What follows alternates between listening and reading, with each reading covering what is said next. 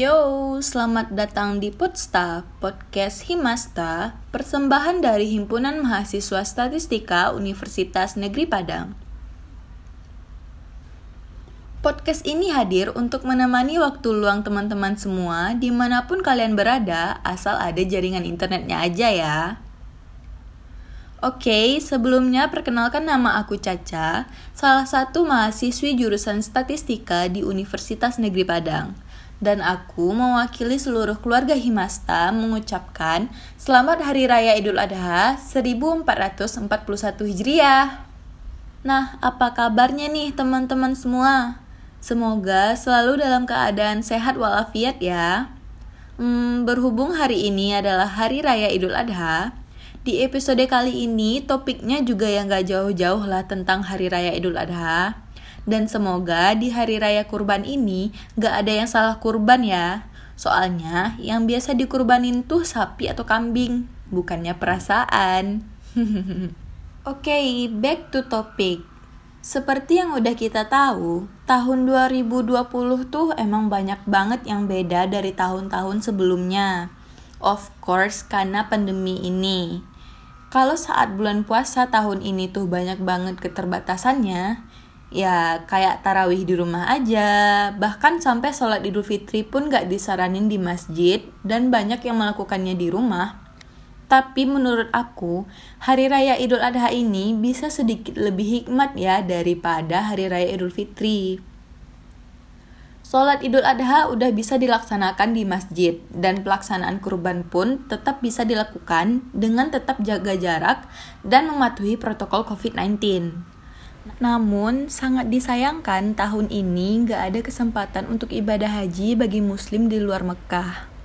Ya, hampir semua kegiatan kita di tahun 2020 ini nggak bisa dilaksanakan dengan maksimal ya. Banyak juga tradisi yang kita lewatkan karena keterbatasan gerak sebab pandemi ini. Biasanya nih, saat kegiatan penyembelihan, pemotongan daging, sampai pengemasan, yang biasanya anak-anak, ibu-ibu, dan bapak-bapak beramai-ramai datang ke masjid, sekarang warga harus menerapkan protokol kesehatan seperti menjaga jarak saat berinteraksi pada saat kegiatan kurban. Pastinya ada yang merasa sedih karena tidak bisa menikmati ibadah kurban seperti biasanya, apalagi yang belum bisa naik haji tahun ini. Namun, kita semua harus ikhlaskan ibadah kurban kita tahun ini tidak bisa semaksimal sebelumnya. Masih ada tahun depan yang insya Allah akan jauh lebih baik.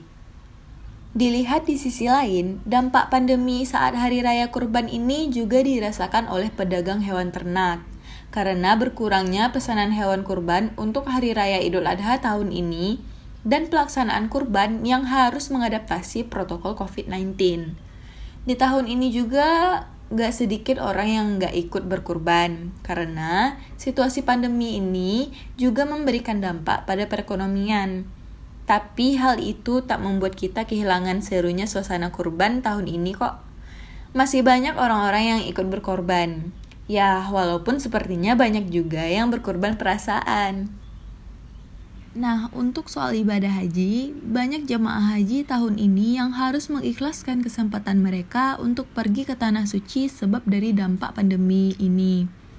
Karena pemerintah Mekah hanya membuka kuota ibadah haji untuk jamaah yang berada di Mekah dan sekitarnya saja. Dengan proses pelaksanaan ibadah harus tetap pada protokol kesehatan. Hal itu dilakukan untuk meminimalisir penyebaran virus ini.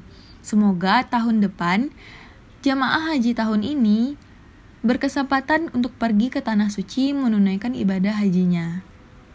Walaupun dalam keadaan pandemi seperti ini, kita harus tetap bersyukur ya teman-teman.